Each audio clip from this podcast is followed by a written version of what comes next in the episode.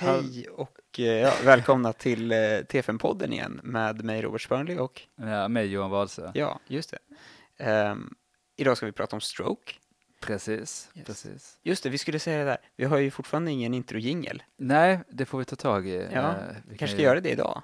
Ja, vi är hemma hos mig nu faktiskt. Jag har både gitarr och piano här, så vi skulle kunna snickra ihop någonting. Ja. Eh, Eller kanske att någon av lyssnarna kan Och det hade varit en kul. jingeltävling. Ja, just det. Ja, just det det. hade varit...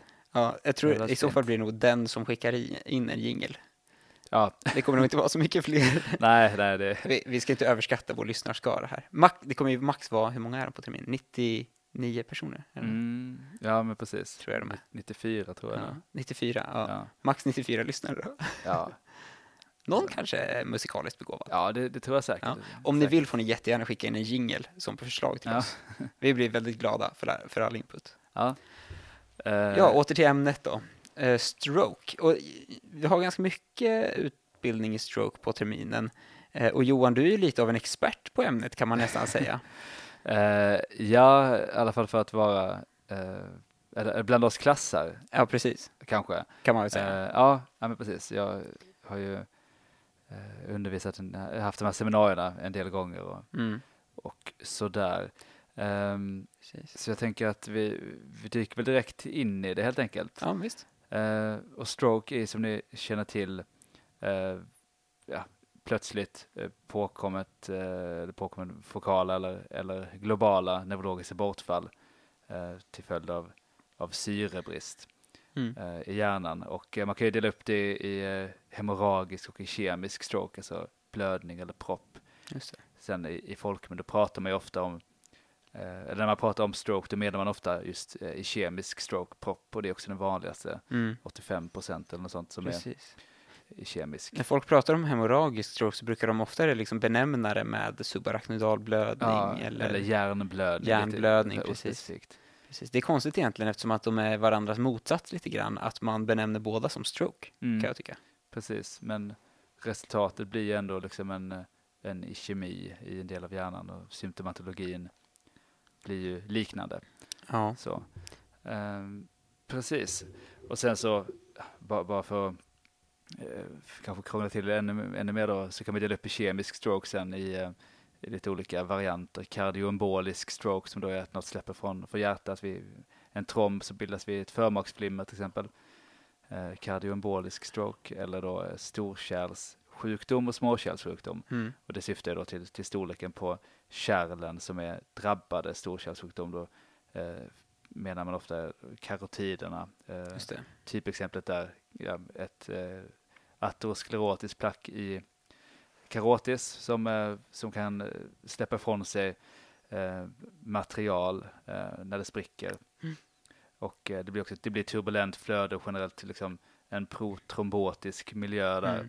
Sen släpper det material så kan det flyga upp uppströms i, i hjärnans blodförsörjning då och täppa det. till ett kärl. Placken spricker liksom ungefär som vid AKS, Mm, att, att du har en, ett instabilt plack då som rupturerar och skapar trom, tromber som Ja, precis. iväg, eller embolier. Mm. Så där, där har man en artär till artäremboli ofta. Eh, sen de här småkärlssjukdomarna, då, då, då menar man mindre kärl som går in i, i liksom djupa strukturer av hjärnan och basala Mm. ganglier och sådär. Och de, de har oftast eh, eh, liksom rena motoriska eller sensoriska eh, bortfall, inga sådana kortikala, inga högre funktioner Nej. är drabbade av de här småkärlsstroken eller lakunära infarkter pratar man om ibland. Just det, kortikala, då menar man alltså som kommer från cortex, alltså hjärnbarken. Ja, precis. Så det blir lite mera de här, kanske, kanske de mer klassiska stroke-symptomen då. Ja, ja men exakt. Hemipares och neglect och de här. Ja, ja men precis. Och Framförallt de här neglect och eh, liksom eh, afasi, den Mm. typen av, av symptom. De får man inte vid en sån här lakunär eller småkärlsinfarkt. Mm. Eh, precis. Ja, eh, vi kommer främst fokusera på kemisk stroke idag kan vi säga. Mm. Eh, för att eh, där finns det ju väldigt eh, tydlig, eh, tydliga behandling, behandlingsalgoritmer och så vidare. Mm. Och, och det är liksom den största, stora merparten av alla strokes är ju är kemiska strokes. Mm. Mm. Eh, om vi börjar då med lite riskfaktorer så ja, men man kan väl nästan säga att det är the, the usual suspects här. Exakt. Vi har eh, ja, men, hypertoni, diabetes, rökning, fysisk inaktivitet, hyperlipidemi, eh, manligt kön, Mm. eh, ålder förstås. Ehm, om man eh, har hereditet, alltså ge- genetisk predis predisposition. Ehm, och eh, ja, det är väl liksom det man skulle kunna räkna ut lite grann. Det som ger aterosklerotisk kärlsjukdom eller det som ger hjärt-kärlsjukdom generellt Mm. ger ju också stroke. Ja, exakt. Sen så har vi nå- några sådana tillstånd som, eh, som är också som ökar risken för stroke ordentligt och det är förmaksflimmer och eh, karotis stenos. Just det. Eh, så så de, eh, det är viktigt att, att identifiera de här tillstånden och, och behandla eller sätta in förebyggande åtgärder. Men vi kommer in på det mer sen. Exakt, exakt. Vissa av de här går ju inte att, att behandla bort, typ ålder. Nej, precis. Nej. precis. Men eh, Mm, eh, man, man gör det man kan i alla fall i fyr, förebyggande åtgärder. precis. Yes, ska vi gå vidare? Ja, vi gör det. Och då tänkte vi prata lite om, eh, om lokalisationen och symptomatologin liksom vid, vid stroke. Och jag tänkte faktiskt quizza Robert lite här. Det här blir spännande. Ja, precis. Så då ska vi se här.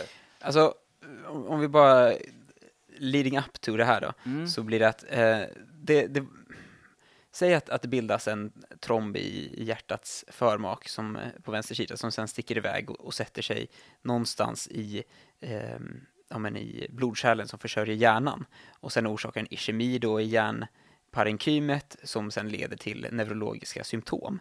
Beroende på var någonstans den här eh, embolin sätter sig då, så kommer det ge olika symptom. Vi var inne på, lite på det förut, om det är kortikal eller lakunär stroke. Eh, men det kan ju förstås ge en rad olika symptom beroende till exempel på eh, vart i cortex som iskemin sker och eh, om det sker i, i storhjärnan eller lillhjärnan. Eh, eller ja, egentligen var, var någonstans det Mm. själva stroken är belägen någonstans. Precis, och, alltså grejen med det här med, med den kliniska bilden, är, det är väldigt viktigt för, för stroke är en klinisk diagnos. Sen typdiagnosen får man ju mm, med hjälp av radiologi, Ja, men, men själva stroke-diagnosen kan man ställa kliniskt. Just det. Ehm, Och det är väl i, i 95% av fallen så går det att skilja stroke från icke-stroke, Mm. läste jag någonstans. ja, ja, men precis. Och det kräver ju rätt mycket övning och det kräver att man eh, ja, Mm. kan sin neuroanatomi, eller ju, ju bättre man kan den, desto mer luriga eh, liksom, typer av stroke kan Just man, det. kan man ju diagnostisera. Så nu är det dags att ta fram de här NHI-kunskaperna. Ja, precis. Men vi kan väl börja med eh, en patient då som har en eh, eh, kraftnedsättning och känselnedsättning i eh, höger arm och ben och eh, även svårigheter att, eh, att uttrycka sig. Okej. Svårighet att uttrycka sig, alltså dysfasi. Mm. Ja.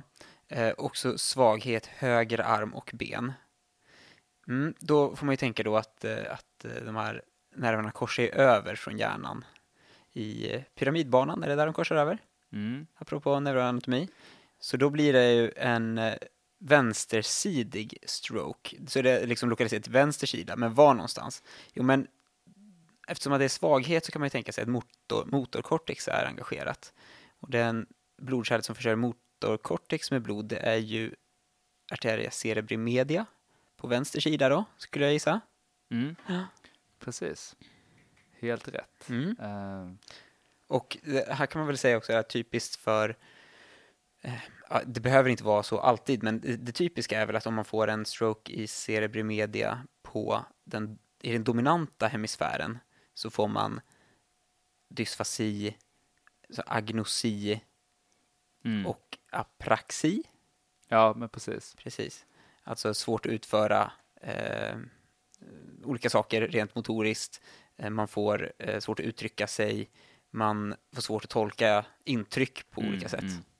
Det är agnosi då, som är svårt att Exakt. inte tolka intryck. Eh, och sen på, om man får det på den, icke-dominanta eh, hemisfären som oftast är, är höger hjärnhalva då, så kan man få de här eh, neglect-symptomen som kan vara rätt så svåra att, att förstå och Ja. svåra att, att eh, märka av. Precis. Jag skulle faktiskt vilja säga något om neglect här, för jag Ja. tycker mig märka i eh, vissa Ja, kanske framförallt i paradjournalerna, då är det ju många av er som har träffat strokepatienter.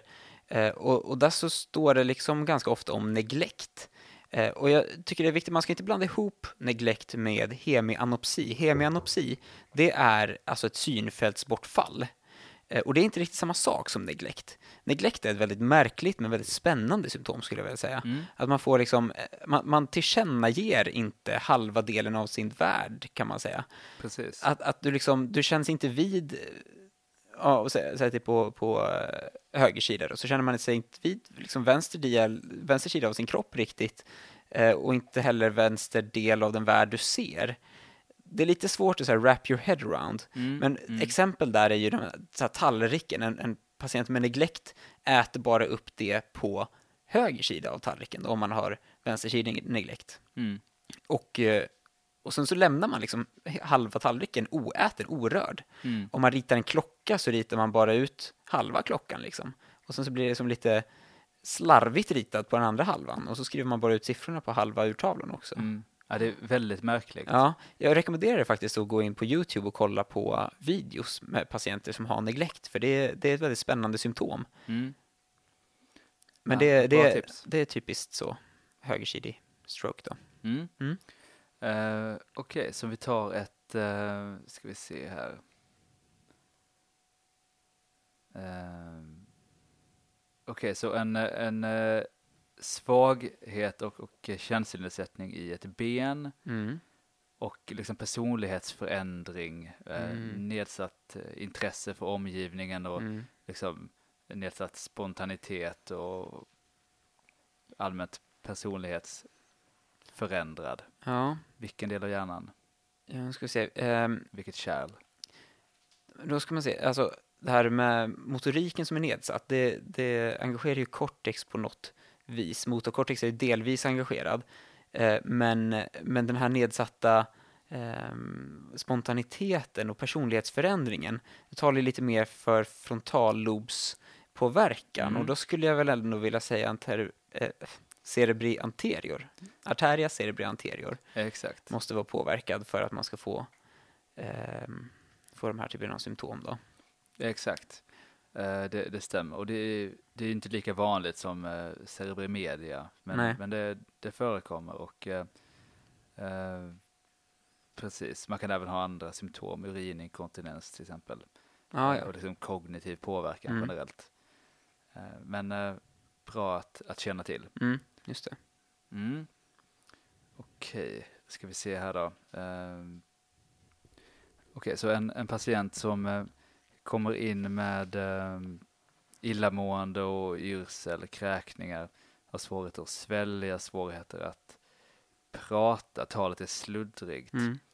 ehm, och har nystagmus ehm, och eh, sen eh, hängande ögonlock och eh, nedsatt känsel för smärta och, eh, och värme i ena halvan av ansiktet och sen eh, motsvarande känselbortfall eh, för smärta och, och temperaturer i andra kroppshalvan Mm. längre ner.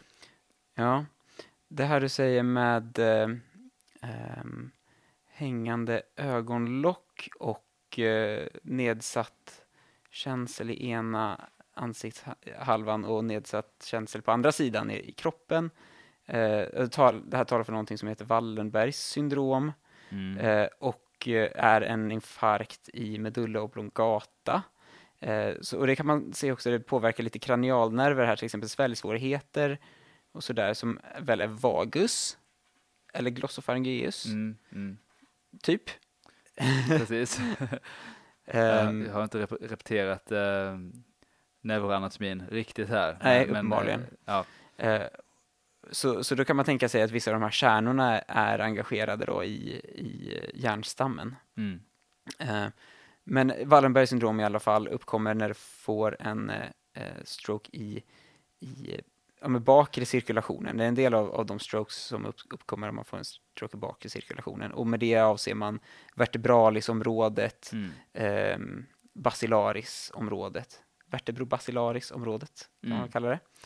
Eh, och eh, ja, men en, en, eh, en vertebralis eh, infarkt kan man väl kalla detta då. Mm. Jo, precis. Framförallt vertebralis då. Ja, Eh, och sen om man, eh, om man får en eh, total okklusion av, av bacillaris sen, mm. då kan man få ännu mer dramatiska eller liksom väldigt svåra ja, svåra symptom. Det finns Mm. något som heter eh, locked in syndrom när man blir helt eh, eh, ja, helt förlamad, he, helt instängd i sin egen kropp. Eh, obehagligt. utan någon, någon slags förmåga att, att röra sig. Ja, det, det är fruktansvärt. Eh, det finns ju någon film om det tror jag. Jaså? Eh, heter den fjärden i glaskupan? Ja, men det här sånt där. Jag minns inte riktigt. Ja, Ja, i gud vilket fall. Det finns också en Metallica-låt som jag tror handlar om det. Uh. eller man kan få det också när man One. sövs, eller hur? Eh, Alltså i samband med narkos liksom. Ja, det kanske man kan få. Jag har för mig att det är en, speciellt med vissa typer av, av ehm, Ja, men precis, Som- att man är vid medvetande Ja. men inte kan eh, röra sig. Ja, det, Mm. det, det är vidrigt. ja verkligen. verkligen. verkligen. Eh, Men det ja, var, det var Wallenbergs syndrom i alla fall. Illamående, yrsel. ehm, det, både både som, som vi pratade om tidigare Johan, det här med kontralaterala och ipsilaterala Mm, mm. symptom. Med ipsilateral så menas ju samma sida och kontralateral andra sidan då. Exakt. Så ipsilaterala eh, känselbortfall i ansiktet och kontralaterala känselbortfall i kroppen. Mm. Och det har att göra med var de olika nervbanorna korsar över. Och eh, det, så påläst är jag faktiskt inte så att jag kan exakt säga var, då, var det är någonstans. Nej, ja, men, eh, samma här. Och eh, jag menar det, det viktigaste här är väl egentligen att känna till eh, ungefärliga eh, symptom som man kan Ja, förvänta sig. precis. Alltså det är symptomtalande för stroke ja. eh, och sen om det är främre eller bak i cirkulationen. Mm. Eh, så om, eh, tänker vi har en patient som kommer in och ja, men är liksom yr och eh, har balanssvårigheter och eh, taktiska rörelser, skakiga eh, Just rörelser. det, just, det. just det, de har ofta en slagsida åt ett håll också, Mm, jag för mig. mm. Att de eh, liksom faller åt samma håll vid Romberg varje Ja. gång. Exakt. Ja. Va, vad misstänker du, vilken del av hjärnan misstänker du är drabbad? Vid, men det tänkte jag var typiskt för Wallenbergs. Eh, ja, men precis, men om vi tänker att vi, vi har inte, eh, ja, i, i och för sig, men om, om vi tänker att, att vi, vi har mer bara balanssvårigheter, inte lika mycket de här kranialnervspåverkan. Ja, ja, ja. ja men då, då tänker jag lite mer cerebellum. Exakt. Så då, då har vi ju dels eh, Basilaris som sen avger eh, Aika och Pika heter de Mm, va? mm. förkortningar. Då är det anterior eh, inferior cer- cerebellar artery Ja. och posterior inferior cerebellar artery. Mm. Är det Precis. inferior som gissar för?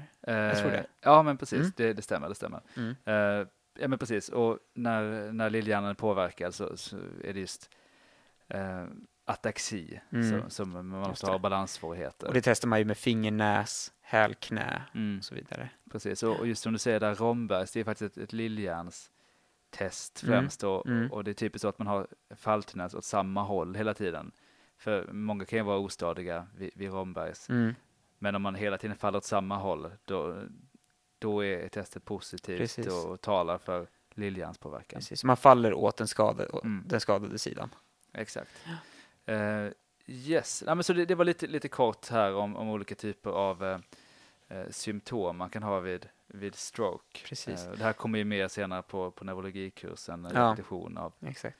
Men då kan man tänka att vi har, ni, ni kan känna till liksom tre primära lokalisationer kan man väl säga. Och det är Mm. främre, mitten och bakre då. Och främre, det var det här med personlighetsförändringar, man kan också få svaghet någon sida, man kan få känselbortfall hemi, alltså på ena sidan, Mm, kontralateralt. precis, framförallt Eh, benet. framförallt benet. Eller, eller egentligen ja, bara benet. Just det, för det är lite längre fram där i cortex. Eh, ja, ja, men precis. Det, det är mer medialt i hjärnan. Ja.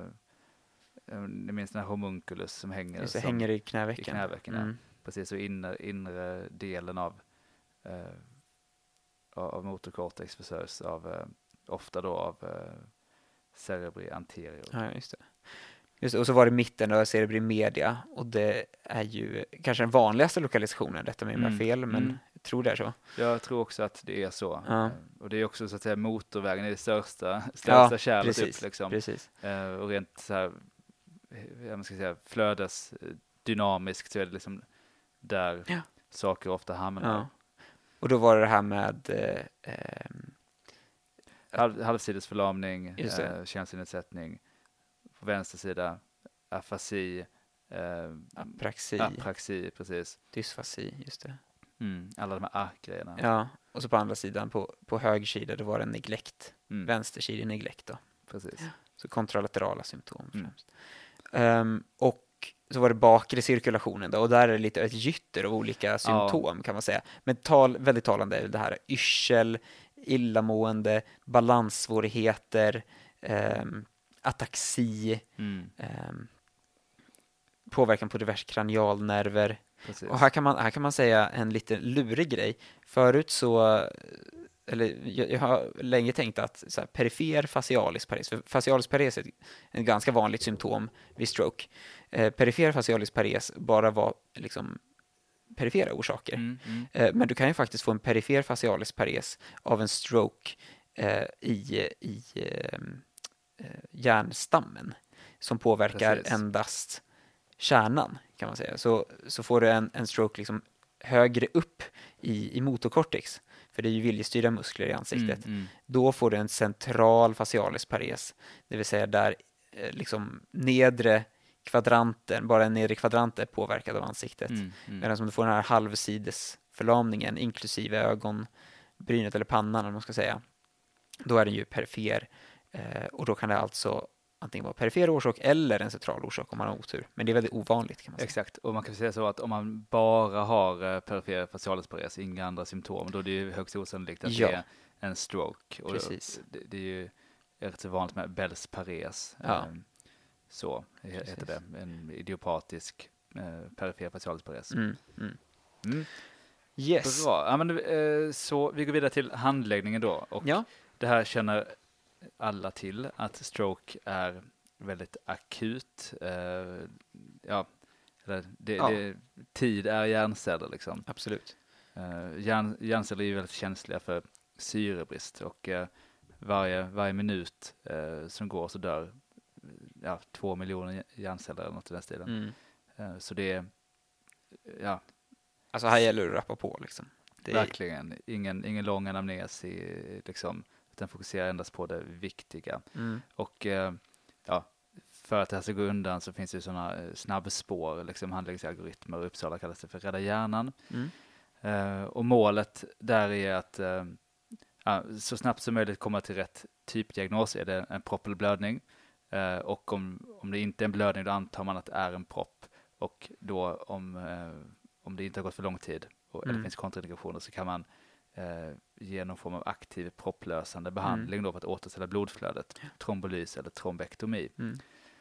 Ja, Och då ska man komma ihåg att det är egentligen, det är ju liksom kliniskt som man ställer den här diagnosen. Ja. Sen så utesluter man ju bara blödning med, med röntgen främst precis. i första taget och så påbörjar man behandling. precis. Men vi kommer till det. Eh, anamnesen då? Vad är det som är viktigt i anamnesen, Mm. Johan? Jo, alltså det, det allra viktigaste nästan är eh, tiden för insjuknandet. Mm. För att eh, trombolys, det studier har visat, vi kommer tillbaka till det lite mer sen, men, men att eh, alltså gynnsam effekt, det har man, ja, eller så här, vinsten med behandling avtar efter, eh, ja, det avtar ju mer och mer ju lång tid som, ju lång tid som går, men Just det. efter fyra och en halv timme då, eh, då överstiger eh, risken vinsten. Det. Och trombolys är behandlingen, den eh, liksom, primära behandlingen för stroke eh, om man kommer in i, i tid för det Mm, helt enkelt. Ehm, Exakt. så, Eh. så det är väldigt viktigt att man eh, vet vilken tid som, eh, som det hela startade. Exakt. Och sen så är alltså symptomen, det är ju eh, det, det är såklart viktigt. Eh, Alltså det blir mycket liksom i, i statustagning så, men, Mm. men att få ett grepp om hur det här började också, liksom, kom det pang plötsligt eller Mm. har, har det liksom varit tilltagande under lång tid? Eh, Och om patienten har svårt att redogöra för det själv på grund av afasi eller sånt så kan man fråga anhöriga. Och om de var med när det hände. Eh, Och eh, klassiskt vid stroke är att det börjar plötsligt. Mm. Precis, alltså stroke, det, det betyder ju slag och Ja. det heter slaganfall på svenska och det kan man ju nästan höra i namnet att det är något som kommer så här plötsligt Mm, liksom. mm. Precis. Eh, och sen så, man vill också ha, ha eh, ett, ett hum om vad patienten har för eh, andra sjukdomar. Mm. Här, här är det ju ingen lång anamnes som gäller och ofta om, om patienten kommer in med ambulans så får, får man en förvarning att ja, det är en patient på väg in med misstänkt stroke. Precis. Då, då har man ju ofta någon minut på sig att kolla i journalen. Här kan man lite säga glöm allt vad PU heter och Ah, ja, inga ja, ja, ja. öppna frågor liksom. Nej, nej, utan, utan det är fokus på, på endast det, det viktiga. Alltså, kan, kan det vara, har patienten några sjukdomar som, som kan eh, orsaka de här neurologiska besvären, alltså Mm. epilepsi, eh, liksom svår migrän som, med neurologiska bortfall.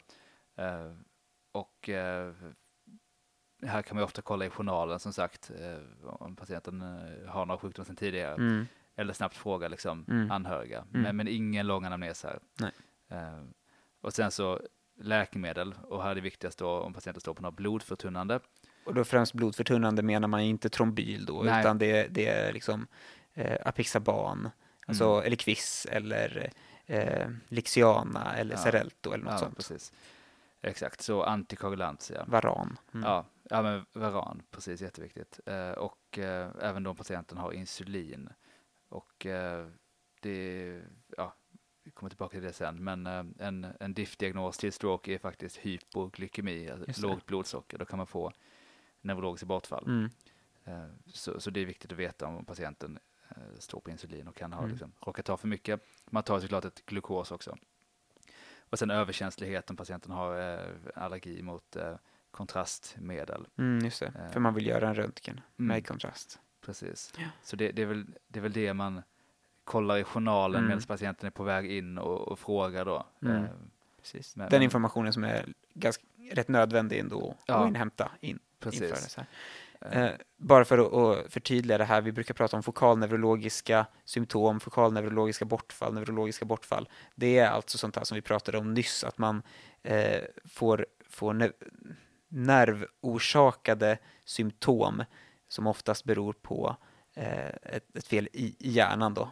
Eh, en ischemi eller en, ett tryck någonstans. Mm. Bara för att terminologin, alltså all, man kanske inte är helt, helt van vid, vid eh, de här olika termerna vi slänger oss med. nej, precis.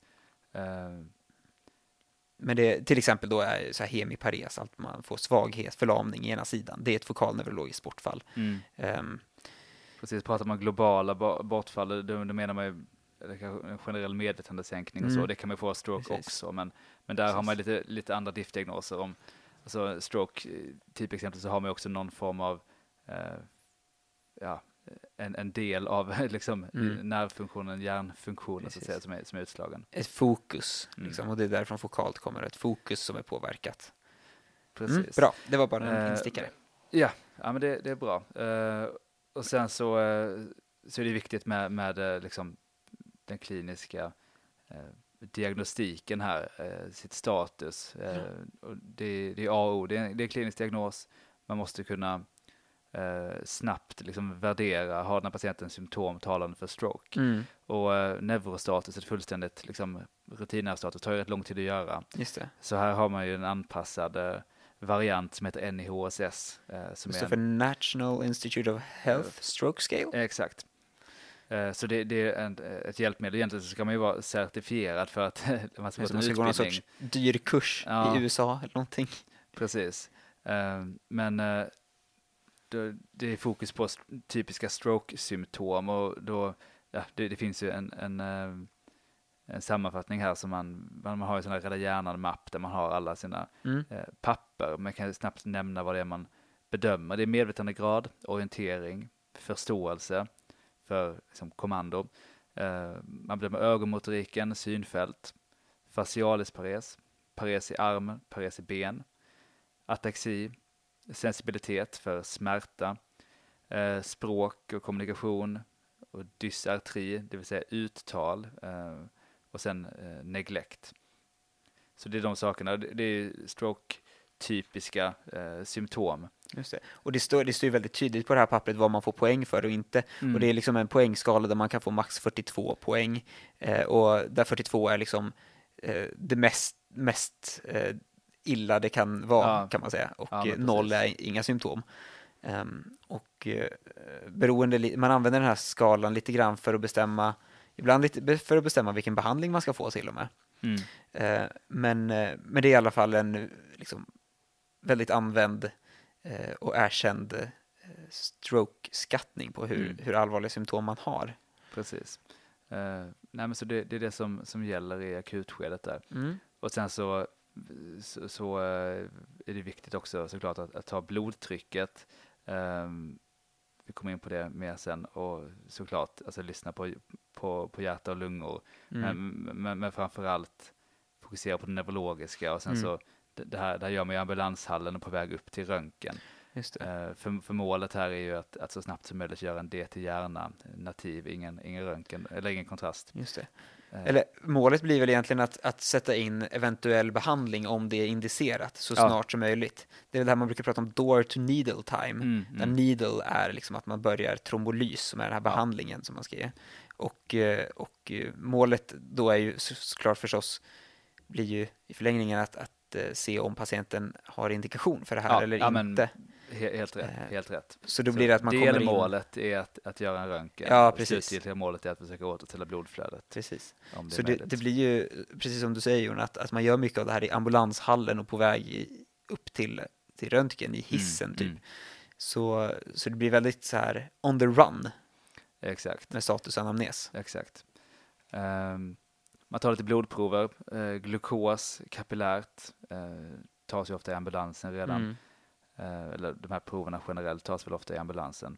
Eh, och eh, som, som sagt, glukos är väldigt viktigt ur differentialdiagnostiskt syfte för att utesluta hypoglykemi som kan förklara symptomen också. Mm, sen så tar man blodstatus, elstatus, PK, CRP ibland.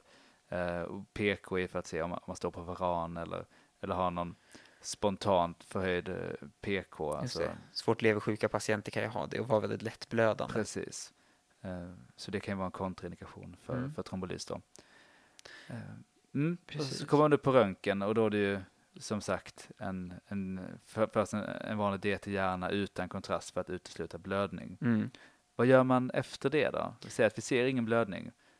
Ser man ingen blödning och man eh, uppfyller liksom, eller man, man har inga kontraindikationer för att få trombolys, då ger man trombolys direkt, Mm. eh, så snabbt det bara går, som är liksom intravenös behandling för att lösa upp den här proppen. Mm. Det är ju Ateplas som man ger, eh, som, eller Alteplas kanske Mm, heter, mm. som är en plasminogenaktivator. Och plasminogen eh, blir ju till plasmin som bryter ner fibrin eh, som eh, de här eh, blodpropparna eh, är uppbyggda med. Mm, mm. Ehm, men men eh, medan man ger det här då, eller medan man inte ger det, om man inte om man tycker att det inte finns någon indikation för att ge trombolys, om det gått för lång tid eller om man har några andra kontraindikationer, då gör man fler röntgenundersökningar. Mm. Och då gör man DT-angio, som det heter. Och det är alltså en DT-hjärna med kontrast, så man ser eh, blodkärlen. Man liksom visualiserar blodkärlen väldigt tydligt och då kan man ju se om det finns, man kan se exakt var den här blodproppen sitter någonstans. Mm. Och det är väldigt eh, hjälpsamt på många sätt. Och sen utöver det så gör man en DT-perfusion. Och då så sprutar man in kontrast och så tar man bilder i, liksom under tiden som den här kontrast, kontrasten ehm, går igenom vävnaden kan man säga. Rätta mig om jag har fel. Ja, alltså jag är inte helt hundra på exakt hur det går till, men det är något i den stilen. Man, man kan se i alla fall, det man kan se på en DT-perfusion, det är hur stor, eh, stort området där infarkten är, eh, hur stort det är. Och man kan se även hur stor del av, av hjärnparenkymet runt omkring som är påverkat. Mm. Och det brukar man kalla för penumbra, ett ord som kan vara bra att lägga, lägga på minnet. Mm, precis. Och penumbra är liksom, vad ska man säga, den eh, ehm, hjärnvävnad som eventuellt eller potentiellt går att rädda Mm. om man skulle ta bort den här. Den, den, den är, ligger i farozonen kan man säga, penumbran. Exakt, för det är ju så att eh, hjärnceller är väldigt känsliga för, för syrebrist eh, och de slutar funka eh, vid en liksom, viss nivå av nedsatt blodflöde. Mm. Men de, de går inte sönder, dör liksom inte eh, förrän blodflödet har har sjunkit ytterligare. Just det. Så det, det finns då ett, ett område som kan vara eh, alltså har utslagen funktion men ännu går att rädda. Och det är den det. zonen som man kallar för penumbra Just och det. vill rädda. Så det, det är liksom eh, eh, räddningsbar hjärnvävnad som man ser då Mm. med den här perfusions-DTn. Precis. För att rep- rekapitulera lite snabbt. Det kommer in patient, en patient, eh, redan från ambulansen ofta har man dragit rädda hjärnan-larm. Mm. Man tar, gör status, anamnes, tar glukos framför allt i kap- kapillärt på vägen upp till, till röntgen. Man gör en DT hjärna och ser om det finns någon blödning. Finns det inte det och man tycker att det finns indikation för trombolys, då påbörjar man det. Eh, I samband eh, med detta, alltså om man, vare sig man har påbörjat eh, trombolys eller inte, så gör man också en DT-angio och DT-perfusion eh, för att se om där finns eh, läge att göra trombektomi som Mm. eh, nästa behandling heter. Och vi kanske ska gå in på behandlingarna lite grann Ja, nu då. men precis. Vi har redan varit inne lite grann. Eh, alltså, kommer man in inom fyra och en halv timme så går man igenom de här kontraindikationerna och ser om det finns några sådana. Ska vi ta dem först? Ja, vi, alltså det här är ju en, en rätt så lång lista, så det finns ett papper då. Mm. Och vi, vi går inte igenom hela, för den, den är liksom, det är inget man behöver lägga på minnet Nej, helt utan till, utan man följer den här, det här protokollet. Men vi kan nämna viktiga, absoluta kontraindikationer för trombolys. Till exempel att man har en pågående hjärnblödning, såklart. Mm. Ehm, eller att det har gått för lång tid, mer än fyra och en halv timme. Vi kommer tillbaka till det sen. Ehm, eller eh, att man har liksom en, en, en terminal sjukdom, man man är svårt sjuk i botten. Ja. Ehm, och då, då, då finns det helt enkelt liksom inte en behandlingsvinst. Ja. Just det. mm. Men det här pappret då, det är väldigt lätt att följa, det finns liksom, och att man kan bara kryssa i. Har patienten det här? Mm. Ja, nej. Har patienten det här? Ja, nej. Och kryssar man i liksom, eh, ska man säga, eh, så att patienten inte har några kontraindikationer, då går man vidare med, och patienten kommer in inom fyra och en halv timme Mm. då, Mm. så går man vidare med trombolys. Och det var det vi pratade om tidigare. Precis.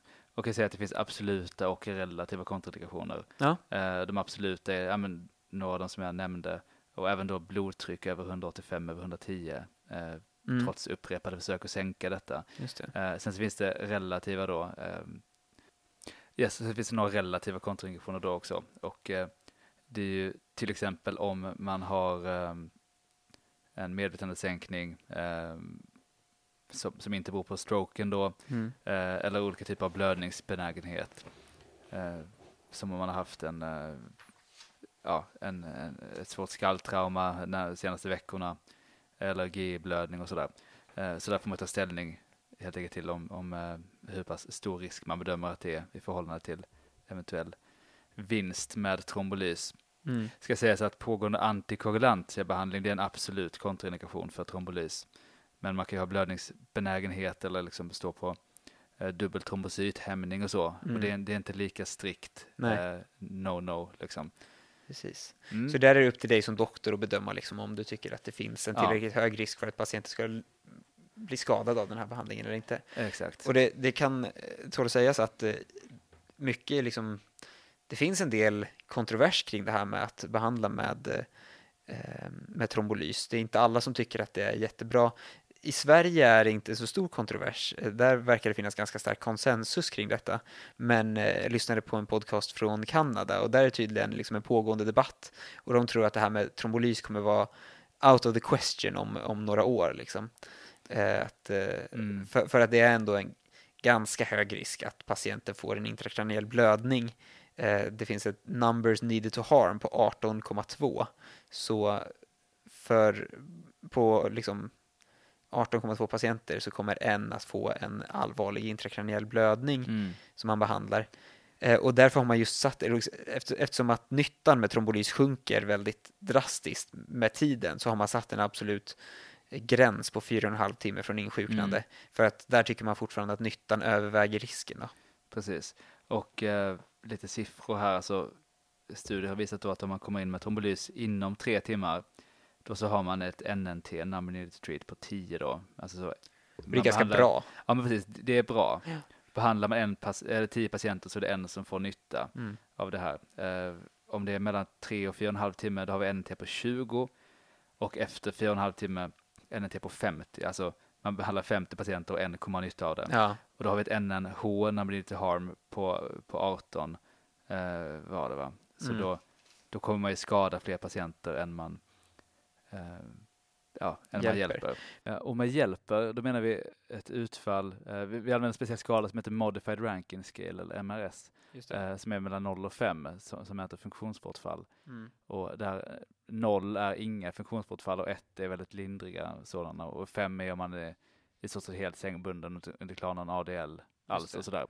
Eh, och eh, med att vi hjälper någon, det här NNT, det menar man ett utfall på 0 eller 1, alltså Mm. väl, inga eller väldigt få neurologiska Just det, ett, eh, det definieras som eh, att man, man klarar att utföra alla sina vanliga plikter och aktiviteter.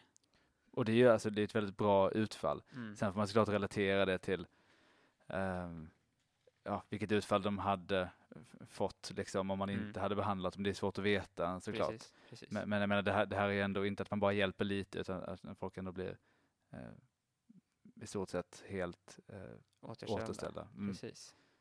Ja. Ehm, Och det är lite det som är poängen det här med alltså just funktion. mm. Eller till, till stor del så handlar det om att återställa funktion, eller hur? Ja, precis, precis. Att det, det kanske inte um, jätte... Man säger, det, det är hög mortalitet vid, vid stroke, men det kanske inte är själva iskemin som, som dödar en patient, utan det, det är väl snarare liksom de här symptomen man får i efterförloppet, eh, de här kvarstående menen som sänker din, din eh, allmänna hälsa så pass mycket att, eh, Mm. att du, du dör av det sen.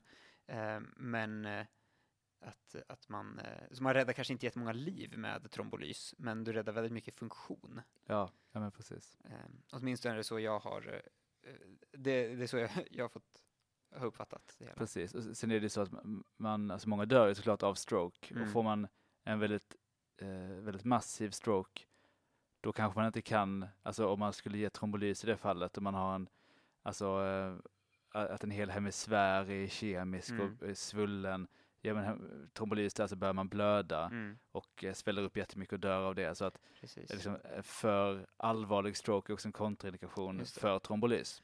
Vi kan ta det lite grann också, att om man får en sån där allvarlig, eh, liksom verkligen en massiv stroke, så kan du verkligen få det här som du pratade om, den här svullnaden. Mm, Eh, och ett stegrat intrakraniellt tryck och riskera att, att klämma in liksom, och dö av det. precis. Och då finns det ju neurokirurgiska indikationer på det, att man Mm. måste göra en hemikranektomi och sådär. Precis. Det vill säga att man tar bort en del av skallbenet för att lätta på trycket helt enkelt. Mm. Och, och den här väldigt stora svullnaden, eh, det, det uppstår vid, ofta då vid, en- eller ofta, men det kan uppstå vid en mediainfarkt, man kallar det för en malign mediainfarkt. Heter det så? Ja, okej. tror jag. Ja. ja, det, det jag har för mig det. Ja. Just det, det är något jag har glömt i alla fall. Ja. Ehm, just det, men, men det var trombolys lite grann, så det, det är liksom det eh, första linjens behandling om det finns eh, indikationer för det om man saknar kontraindikationer. Mm. Eh, Efter de här fyra och en halv timmarna, då är ju trombolys out of the question. Mm. Eh, Men däremot så kan man ibland eh, behandla med trombektomi. Exakt. Och det, det är ju lite, det är lite speciellt, och det är ganska up and coming känns det som. Det Mm. blir mer och mer så. För när de i den här kanadensiska podden pratar om att trombolys kanske kommer vara utspelat eh, Mm. inom några år, då är det trombektomi som kommer ersätta. Mm, precis. Eh, och eh, trombektomi är en form av endovaskulär åtgärd, man går alltså inuti kärlen med en kateterburet instrument av något slag Mm, mm, och helt enkelt fångar upp, drar ut den här Mm, tromben som mm. sitter fast i ett kärl. mm. Och rent logiskt, då förstår man att det finns vissa begränsningar med det här. Eh, dels så måste man ju kunna, alltså det måste ju vara tillgängligt för att kunna snirkla in med den här Ja, katetern. Det kan ja. inte sitta Det kan inte längst, vara vad som helst. nej och det kan inte vara en massa små eh, distala små infarkter. Nej. Då, då kan man inte kunna plocka ut dem. Nej, Utan det här är lite större proppar i hyfsat proximala kärlavgångar. Vi Mm. snackar eh, liksom karotis, eh, arteria cerebri media Ja, och basilaris. ja precis. Ja, Eh, och eh, de typ. det första och andra segmentet tror jag av, av eh, cerebromedia. Men det, Mm. man delar in de här, det, det här behöver, det här behöver man liksom inte kunna. Eh, jag kan inte det här, men man, man delar in de olika huvudkärlen i hjärnan i olika segment, som är olika delarna av media man för M1, M2, M3 och så vidare. och det är helt enkelt olika delar eh, där de går. Ja. Och då finns det liksom väldigt tydliga riktlinjer som finns upp, alltså på de här checklistorna så står det, ja, sitter en tromb i de här segmenten och de här kärlen, då så kan man göra en, eh, alltså rent, Mm. eh, det är fysiskt Rent möjligt fysiskt, att ja. göra en, Mm. en trombektomi. Det. Yes. Precis, och eh, tidsgränsen där, det har man väl sagt hittills i alla fall att det är mellan 4,5 och 6 timmar. Ehm, Mm. Men den här gränsen är eh, lite annorlunda beroende på var man är någonstans, i vilket Mm. landsting eller region man befinner sig, eh, vem som är på plats, Mm. vem som tolkar bilderna och vem som eh, liksom, eh, ja men om det finns någon som kan utföra den här vaskulära åtgärden. Eh, Så det är i dagens läge liksom inte helt eh, standardiserat överallt. Nej.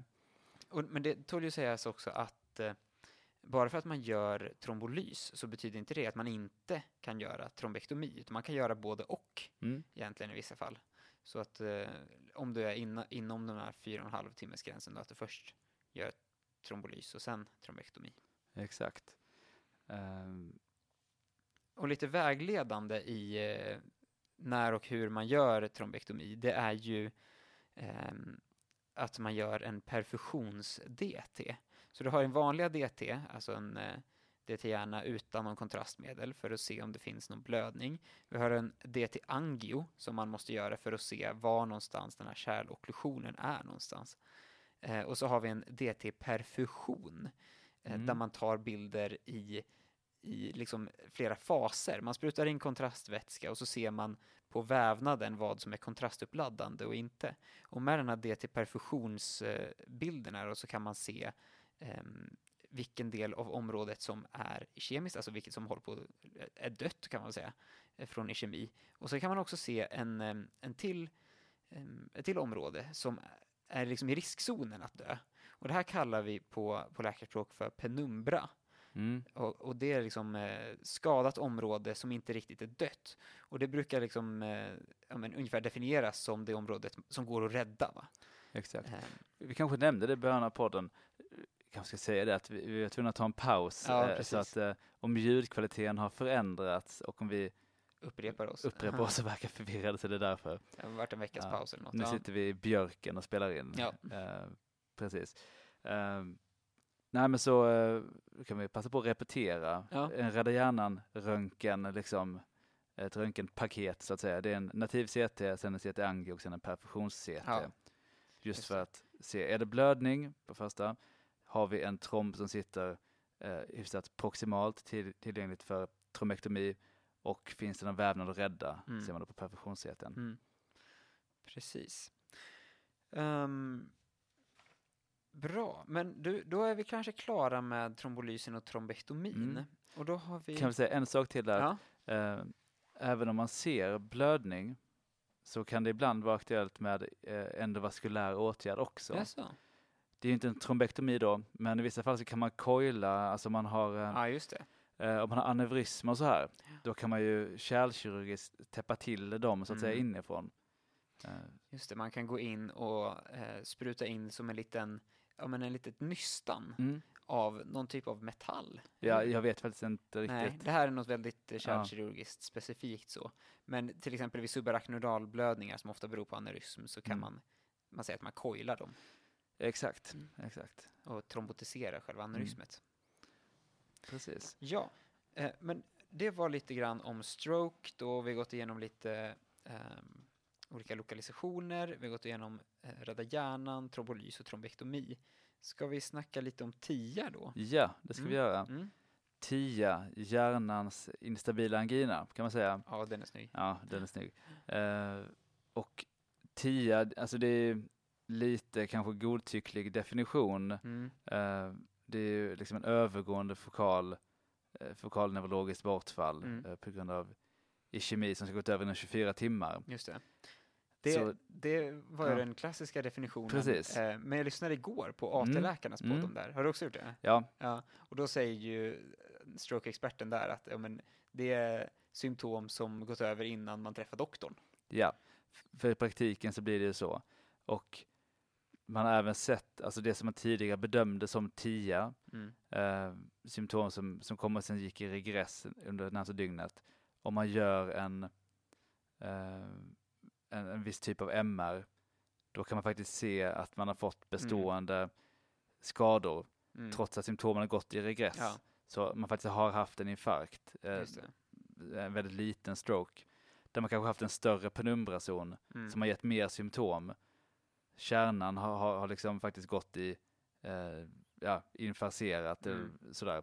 Eh, men resten av, av omgivande vävnad har liksom återhämtat sig. Mm. Och då tolkar man det som 10, men den egentliga definitionen av en stroke, det är att man har haft, eh, att man får en, en bestående skada. Just det. Liksom. Just. Medan 10, där har man ingen bestående skada. Nej, som man märker av i alla fall. Men det är ju skillnad på liksom, den kliniska bilden, kliniska symptom Mm. och faktiskt biologisk skada. Ja, absolut. Ja.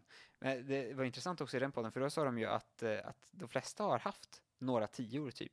Mm. Han sa att, att man kunde hitta sådana tecken på det från liksom 40 års ålder och framåt, så var det inte Mm. ovanligt att se ja, några små som man inte märkt, märkt av. Liksom. Nej, precis. Mm. Ehm, men man, det, det är alltså symptom som kommer, men sen som går över i Mm. alla fall. Exakt. Eh, Och varför säger man att det är liksom den instabila anginan i hjärnan? Jo, men det är väl lite det här att eh, du har någon, någonting som har orsakat den här, eh, ofta, ofta de propp, den en emboli, som har satt sig och täppt till ett kärl och sen löst upp sig och eh, liksom cirkulationen har återkommit till det normala.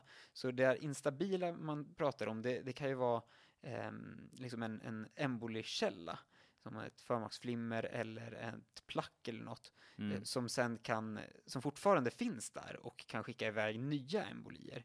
Eh, Så man, det är ganska vanligt att, eh, har du haft en TIA, att du får en stroke då inom den närmsta tiden. För då är det ju någonting där som orsakar att, att du får embolier som sticker iväg och sätter sig i hjärnan. Så det är liksom, det är som en, det är lite en, en tickande bomb nästan kan man säga, Mm. att ha haft en TIA. Det är ett, ett varningstecken på att där finns något som, som vi måste ha koll på liksom. Precis. Och eh, det är faktiskt så att i, men i, vissa fall av 10, eller generellt kanske för 10 då, så, så är det upp till liksom 10 risk att få en stroke eh, närmsta två dygnen. Ja. Så det är, sen finns det vissa, vissa typer av TIA eller liksom vissa, vissa symptom som talar starkare för att det här är verkligen hög Mm. risk. Mm. Eh, Det finns lite riskstratifieringsverktyg där som inte är så jättebra. Just Det det. finns ett som heter ABCD2 eh, som väl egentligen inte, nej men som sagt det är inte särskilt validerat men, men det är ändå bra att ha lite i åtanke. Mm. Där A står för age över 65, ålder över 60 65, B blodtryck över 140 över 90, Mm. C eh, clinical presentation, där får man olika poäng då beroende på symptomen, men hemipares ger två poäng, afasi ett poäng och sen övriga TS-symptom ger faktiskt noll poäng där. Mm. För man kan ju ha alla typer av neurologiska bortfall, Ja. men det är just hemipares och afasi som är extra hög risk. Mm. Liksom. Mm. Eh, och sen D, diabetes, ett poäng och durationen här, om det är 0 till 10 minuter, noll poäng, 10 till 59, eh, en poäng och över en timme, två poäng. Som sagt, inte helt validerat, men man kan ju säga att har man haft en, eh, alltså en svaghet som kom plötsligt i hela vänster kroppshalva, Mm. som höll i sig en timme, Mm. det är ju, alltså det är ju typ en stroke. Ja. Liksom. Alltså det, det är en större propp. Så det här, här är ju ett högrisktillstånd. Precis, precis. Mm. Eh, och det var väl det han sa också, den här stroke-experten i AT-läkarna, att eh, har du haft, alltså, om durationen är typ eh, mot 15 minuter Mm. någonting, då är det Mm. liksom snarare en stroke än en tia, Ja. kan man väl säga. Ehm, men men det, det är ju krångligt det här med TIA, för det kommer ju in väldigt mycket patienter som har diverse konstiga neurologiska symptom Mm. eh, och eh, de är, vissa är övergående och vissa har lite känningar fortfarande. Och ska man lägga in alla med misstanke om TIA så blir det ju väldigt många patienter. Så här gäller det verkligen att ha en noggrann anamnes och se men vad var det för symptom? Kom det plötsligt? För det plötsliga insjuknandet är ju Mm, mm. lika typiskt för TIA som för, för stroke. Ehm, och eh, hur länge varade det? Och vad var det för typ av symptom och sådär. Ehm, och sen så får man ju förstås ta in hela den kliniska bilden. Liksom. Är det en, en ung patient med väldigt låg kardiovaskulär riskfaktorbörda eller är det en, en eh, äldre patient med väldigt hög riskfaktorbörda. Mm, Ehm, Så får man ju ta det liksom med i beräkningen när man gör sin bedömning på akuten. Precis. Och sen så finns det ju diffdiagnoser till TIA. Det finns ju andra anledningar än övergående i kemi som gör att man får olika typer av neurologiska symptom. Mm, mm, Och många kommer in med synpåverkan till exempel, mm. eh, som har gått över. Och man kan, man kan misstänka att ja, det skulle kunna vara TIA, det skulle kunna vara sådana amarosis fugax Mm. som är en övergående, ett övergående synbortfall, övergående blindhet. Men här är det viktigt att skilja på negativa och positiva symptom. Mm. Alltså är det bortfall av en neurologisk funktion eller är det tillkomst av neurologiska, Precis. så är det mer ett retningstillstånd. Så till exempel en vanlig diffdiagnos till TIA är migrän. Eh, Och eh, där har man positiva symptom, alltså tillkomst av saker. Man har de här flimmerskotomen, som är, det, det är ett synfältsbortfall. Mm. Men det är liksom s- som eh, Flimrande mönster Ja, på men näthinnan. zigzagmönster Liksom. Ja. liksom i periferin som flyttar sig och det kan vara lite regnbågsaktigt och så här. Mm. Det är inte typiskt för, för uh, TIA eller stroke. Nej. För det är tillkomst av, det är mer ett retningstillstånd. Samma sak med huvudvärk. Mm. är också ett liksom, tillkomst av någonting nytt. Precis. Det är inte heller typiskt Nej. huvudvärk, även fast det kan förekomma i vissa stroke. Eh, Precis. Och det är liksom. framförallt en sorts stroke eh, som kan ge huvudvärk. Vet du vilken jag tänker på då, Robert? Tänker du på en eh, typ av kemisk stroke eller på en typ av, för alla blödningsstrokar Ja, exakt. ger ju Blödningsstroke. ofta eh, huvudvärk. Mm, exakt. Eh, Men Mm. vid kemisk stroke så är det inte så typiskt att ha huvudvärk. nej. Men vid blödning absolut. Sen så brukar ju inte blödning, liksom, det, det brukar ge mer kvarstående symptom. Mm. Precis. Mm. Ehm, Hur handlägger man en, en, eh, en misstänkt TIA då? ja, nej men, man får ju förstås tänka på diagnoser och hela den där grejen vi snackade om nyss, han en noggrann anamnes.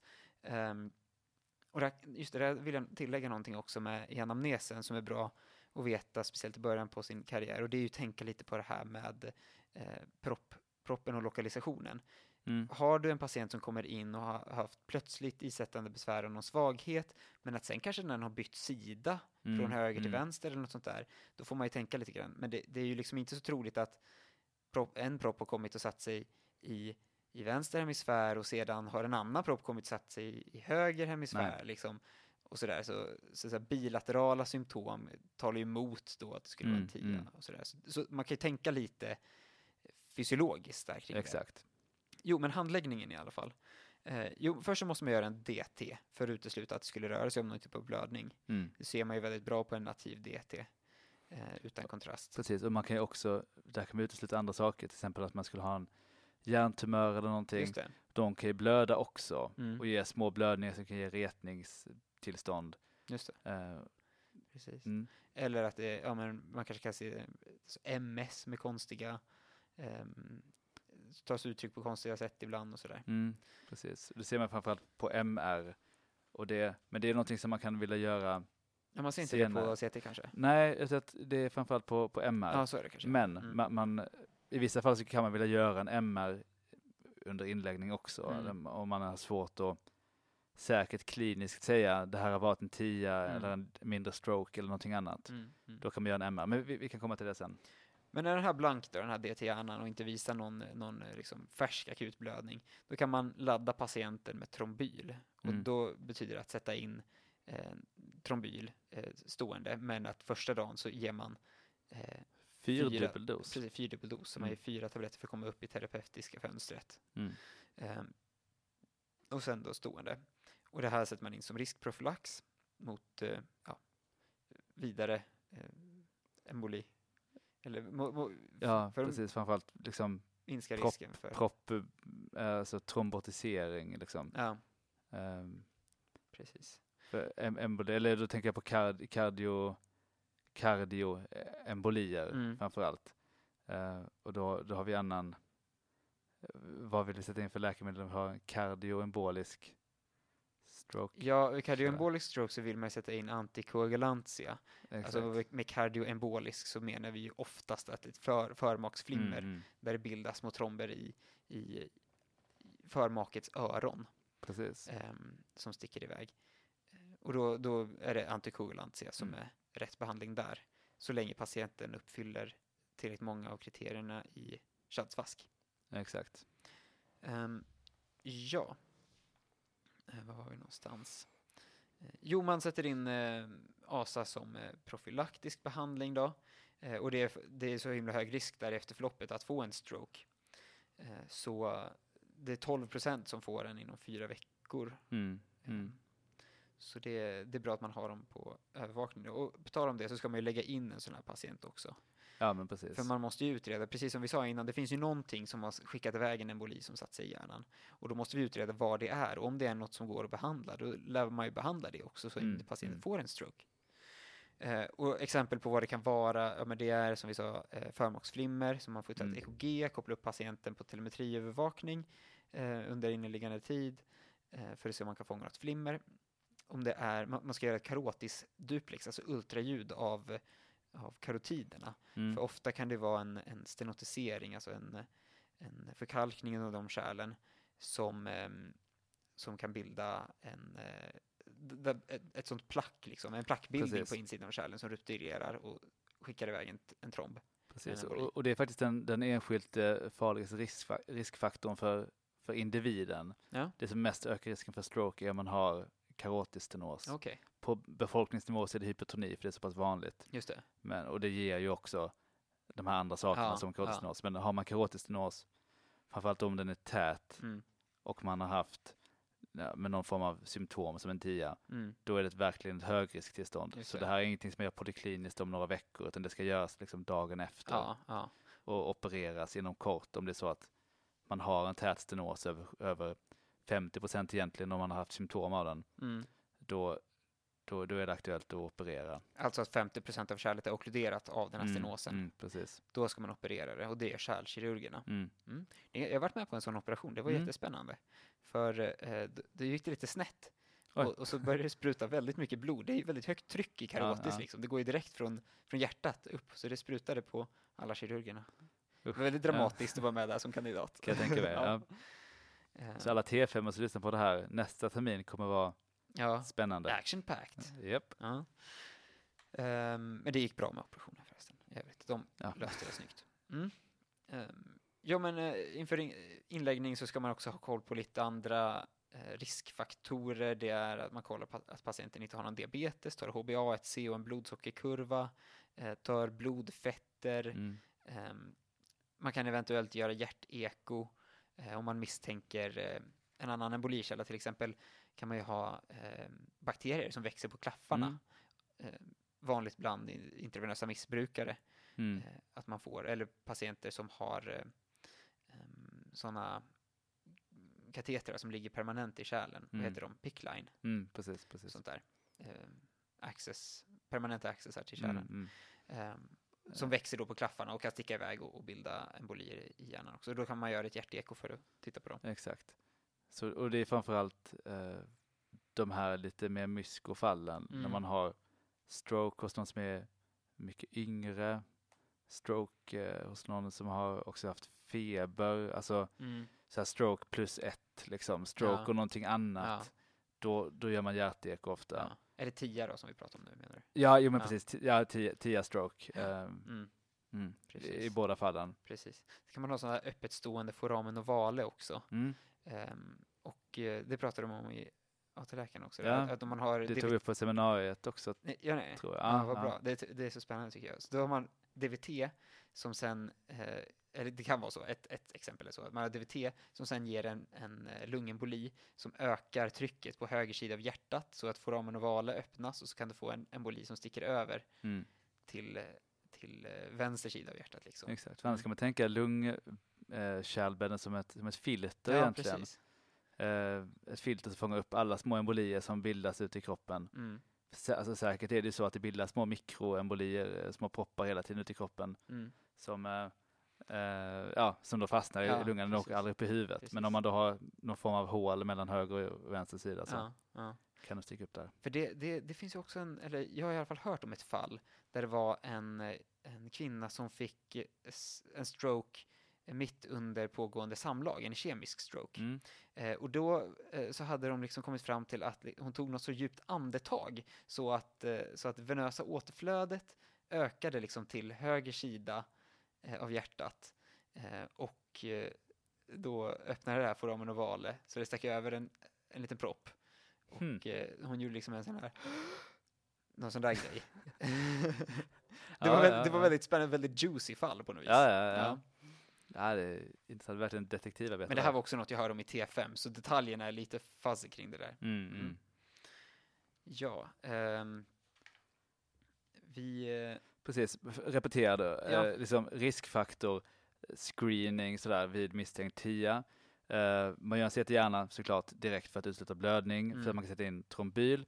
Eh, och sen så vill vi göra ett, en, en karotisk duplex, kolla efter karotisk stenos, högrisktillstånd om man har det. mm, Eh, någon form av telemetri eller Holter EKG för att fånga ett förmaksflimmer. Blodsockerkurva HbA1c för att fånga diabetes mm, och eh, lipider, eh, blodstatus, eller blodfetter mm, för att fånga en eh, lipidrubbning då. Eh, och sen eh, på alla patienterna så tar man också koagulationsstatus, PK, APT-tid, mm, för att se att man inte har någon koagulationsrubbning. precis. Eh, ja, ska vi gå vidare då till den sista delen av eh, dagens program? Mm. Eh, Jag vill bara säga en sak till Ja. här när vi är lite inne på det här med riskfaktorer. För att, eh, de, eller, det här är två saker. Om man lägger in en patient med, med misstänkt eh, TIA eller en mindre stroke, den kanske har något alltså, pytte, pyttelitet kvarstående liksom, svaghet. Det kan vara svårvärderat. Mm, Då kan man ibland göra en MR eh, och då kan man ibland faktiskt se att patienten har haft små mindre infarkter tidigare. mm, Eh, Och jag hade en sån patient som hade liksom, kom in med en pytteliten hängande mungipa. Det var Mm. knappt som man såg det. Det var liksom, är det här någonting, är det inte det? Sen gjorde man en MR ändå. Eh, och eh, för- för att det hade nog varit mer när hon kom in. Det Mm. var en gammal tidigare frisk dam liksom. Och det var knappt någonting kvar. Så läkaren som var på avdelning och det var en strokekonsultant som sa att nej men det här är nog ingenting liksom. Men vi kör en MR. Och då såg man faktiskt dels någon färsk infarkt, en massa små infarkter som hon inte hade märkt av. Hon hade Oj. liksom inte, ja, hade inte gett sig till känna Nej, kliniskt nej. så. Eh, Men, men då bedömdes ändå att nej, den här patienten har ju ändå eh, ja, men, har nog hög risk för att få, få nya större infarkter. Ja. Så då sätter man in trombil. Så MR är något som man kan göra ibland om man är lite osäker. Eh, och sen ofta så kanske man inte hittar någon infarkt. Man kanske kan bedöma att ja, det, här, det här var nog ändå en, en tia. Mm, Men det, det man fångar är det här höga blodtrycket och de här dåliga blodfetterna och så vidare. Så det blir lite så här riskfaktorssanering ofta för många av patienterna. Eh, och man kanske sätter in då saker för att skydda, även om man inte kan säkert säga att du har haft en tia. Så ja, vi har i alla fall hittat att du har, du har högt blodtryck och lite eh, typ 2-diabetes och Ja. så vidare. ja, Så det är ofta det det mynnar ut i. precis. Och det, det är ju bra att man ja, upptäcker det och behandlar det. Exakt.